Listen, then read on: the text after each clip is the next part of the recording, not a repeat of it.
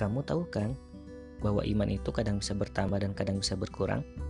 Membaca Al-Quran dan mentadaburinya adalah cara dahsyat untuk meningkatkan keimanan. Yuk belajar bareng bersama saya Yusuf Wijaya di podcast Bakteri Jahat.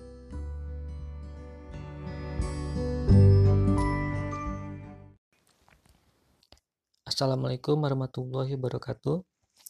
Kembali lagi bersama saya Yusuf Wijaya di podcast Bakteri Jahat episode 13. Uh, pada kesempatan ini kita akan melanjutkan kembali pembahasan kitab Tauhid ya, karya Syekh Muhammad bin Abdul Wahab. Kita lanjut lagi pada isi dari kitab ini di bab kedua yaitu tentang keistimewaan tauhid dan dosa-dosa yang diampuni karenanya. Allah berfirman dalam surat Al-An'am ayat 82, Alladzina amanu walam yalbisu imanahum bidulmin ulaika lahumul al-amnu wa hum muhtadun. Orang-orang yang beriman dan tidak mencampur adukan iman mereka dengan kezoliman atau syirik, mereka itulah orang-orang yang mendapat keamanan dan mereka itu adalah orang-orang yang mendapat petunjuk. Nah, iman di sini ialah ucapan hati dan lisan yang disertai dengan perbuatan, diiringi dengan ketulusan niat karena Allah dan dilandasi dengan berpegang teguh kepada sunnah Rasulullah Shallallahu Alaihi Wasallam. Mencampur adukan iman mereka dengan kezoliman atau sirik. Nah, sirik disebut kezoliman. Kenapa? Karena syirik adalah perbuatan yang menempatkan suatu ibadah tidak pada tempatnya dan memberikannya kepada yang tidak berhak menerimanya. Ubadah bin As-Samit radhiyallahu anhu menuturkan Rasulullah SAW pernah bersabda, Barang siapa bersyahadat bahwa tidak ada sesembahan yang hak selain Allah saja, tiada sekutu baginya, dan Muhammad adalah hamba dan rasulnya, dan bersyahadatlah bahwa Isa adalah hamba Allah, rasulnya dan kalimatnya yang disampaikannya kepada Maryam, serta ruh dari ciptaannya. Dan bersyahadat pula bahwa surga adalah benar adanya, dan neraka pun benar adanya. Maka Allah pasti memasukkannya ke dalam surga sesuai dengan amal yang telah diperbuatnya. Hadis riwayat Al-Bukhari dan Muslim bersyahadat syahadat ialah uh, persaksian dengan hati dan lisan dengan mengerti maknanya dan mengamalkan apa yang menjadi tuntutannya baik lahir maupun batin. Al-Bukhari dan Muslim meriwayatkan pula hadis dari Itban. Fa inna allaha harrama 'alan nari man la ilaha illallah yabtagi bidalika wajhallah. Sesungguhnya Allah mengharamkan kepada neraka dimasuki orang yang mengucapkan La ilaha illallah. Tiada sesembahan yang hak kecuali Allah. Karena mencari wajah Allah semata. Kemudian diriwayatkan dari Abu Sa'id Al-Khudri radhiyallahu anhu bahwa Rasulullah SAW bersabda, Musa berkata, Ya Tuhanku, ajarkanlah kepadaku sesuatu yang sesuatu untuk berzikir dan berdoa kepadamu. Allah berfirman, Katakanlah hai Musa, La ilaha illallah. Musa berkata lagi, Ya Tuhanku, semua hambamu mengucapkan ini.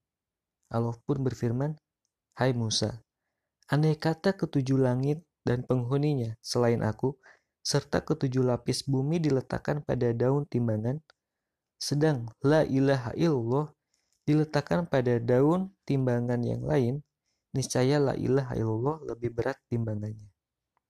Hadis riwayat Ibnu Hibban dan Al-Hakim dengan menyatakan bahwa hadis ini adalah sohih. Kemudian At-Tirmizi meriwayatkan hadis yang dinyatakan Hasan dari Anas radhiyallahu anhu, aku mendengar Rasulullah SAW bersabda, Qala Allah Ta'ala Ya ibnu Adam Lau ataitani bikurabil ardi khotoya summa lakitani la tusriku bi syai'a la ataituka bikurabiha magfiro.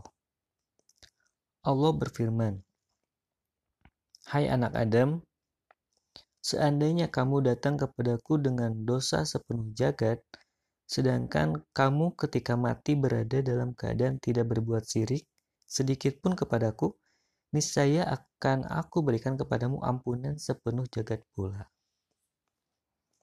Nah, jadi kandungan dari bab ini tentang keistimewaan tauhid dan dosa-dosa yang diampuni karenanya. Kandungannya adalah yang pertama, luasnya karunia Allah. Kemudian yang kedua, banyaknya pahala tauhid di sisi Allah. Kandungan yang ketiga, selain itu, tauhid menghapuskan dosa-dosa. Kandungan yang keempat, tafsir ayat dalam surat Al-An'am. Dalam surat Al-An'am, ayat ini menunjukkan keistimewaan tauhid dan keuntungan yang diperoleh darinya dalam kehidupan dunia dan akhirat dan menunjukkan pula bahwa syirik adalah perbuatan zolim yang dapat membatalkan iman jika syirik itu akbar atau mengurangi, atau mengurangi iman jika syirik itu asgor. Yang kelima, perhatikan kelima masalah yang tersebut dalam hadis Ubadah. Kandungan yang keenam, apabila Anda mempertemukan antara hadis Ubadah, hadis Itban, dan hadis sesudahnya, akan jelas bagi Anda pengertian kalimat La ilaha illallah dan akan jelas bagi Anda kesalahan orang-orang yang tersesat karena hawa nafsunya. Kandungan yang ketujuh, perlu diingat persyaratan yang dinyatakan di dalam hadis Itban, yaitu ikhlas semata-mata karena Allah dan tidak mempersekutukannya. Yang kedelapan, para nabi perlu diingatkan pula keistimewaan la ilaha illallah. Kandungan yang kesembilan, bahwa berat timbangan la ilaha illallah itu mengungguli berat timbangan seluruh makhluk. Padahal banyak di antara orang yang mengucapkan kalimat tersebut ringan timbangan kebaikannya. Yang ke-10, dinyatakan bahwa bumi itu tujuh lapis, seperti halnya langit. Yang ke-11, langit dan bumi ada penghuninya. Kandungan yang ke-12, menetapkan sifat-sifat Allah berbeda dengan pendapat Ash'ariyah. Apa itu? Ash'ariyah adalah salah satu aliran teologis pengikut Syekh Abdul Hasan Ali bin Ismail al-Ash'ari tahun 260 sampai 324 Hijriah atau 874 sampai 936 Masehi. Dan maksud penulis di sini ialah menetapkan sifat-sifat Allah sebagaimana disebutkan dalam Al-Quran maupun As-Sunnah. Termasuk sifat yang ditetapkan ialah kebenaran adanya wajah bagi Allah. Mengikuti cara yang diamalkan kaum salaf asolih dalam masalah ini yaitu mengimani kebenaran sifat-sifat Allah yang dituturkan oleh Al-Quran dan As-Sunnah tanpa tahrif, taktil, takif, dan tamsil. Adapun Asy'ariyah dalam masalah sifat yang seperti ini, sebagian mereka ada yang mentakwilkannya atau menafsirkannya dengan makna yang menyimpang dari makna yang sebenarnya. Dengan dalih bahwa hal tersebut apabila tidak ditakwilkan bisa menimbulkan tasbih atau penyerupaan. Allah dan makhluknya. Akan tetapi perlu diketahui bahwa Syekh Abdul Hasan al-Ash'ari sendiri dalam masalah ini telah menyatakan berpegang teguh dengan madhab as-salaf as-soleh.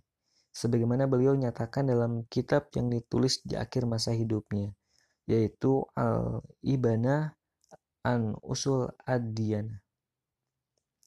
Bahkan dalam karyanya ini beliau mengkritik dan menyanggah tindakan takwil yang dilakukan orang-orang yang menyimpang dari madhab salaf. Kandungan yang ke-13, Apabila eh, Anda memahami hadis Anas radhiyallahu anhu, Anda akan tahu bahwa sabda Rasulullah SAW Dalam hadis itban maksudnya ialah dengan tidak melakukan perbuatan syirik sedikit pun, bukan sekedar mengucapkan kalimat tauhid dengan lisan saja. Kandungan yang ke-14, perhatikanlah perpaduan e, sebutan sebagai hamba Allah dan Rasulnya dalam pribadi Nabi Isa dan Nabi Muhammad. Kandungan yang ke-15, mengetahui keistimewaan Nabi Isa sebagai kalimat Allah. Kandungan yang ke-16, mengetahui bahwa Nabi Isa adalah ruh di antara ruh-ruh yang diciptakan Allah. Kandungan yang ke-17 mengetahui keistimewaan iman kepada kebenaran adanya surga dan neraka. Kandungan yang ke-18 mengetahui sabda Rasulullah SAW sesuai dengan amal yang telah diperbuatnya. Kandungan yang ke-19 mengetahui bahwa timbangan mempunyai dua daun. Eh, kandungan yang ke-20 mengetahui kebenaran adanya wajah bagi Allah. Ya, demikianlah yang uh, bisa saya sampaikan. Ini berdasarkan uh, buku kitab Tauhid ya. Oke, demikian yang dapat saya sampaikan. Apabila ada kekurangan, saya mohon maaf yang sebesar-besarnya. Sampai ketemu lagi di podcast Bakteria episode berikutnya. Saya Yusuf Jaya. Assalamualaikum warahmatullahi wabarakatuh.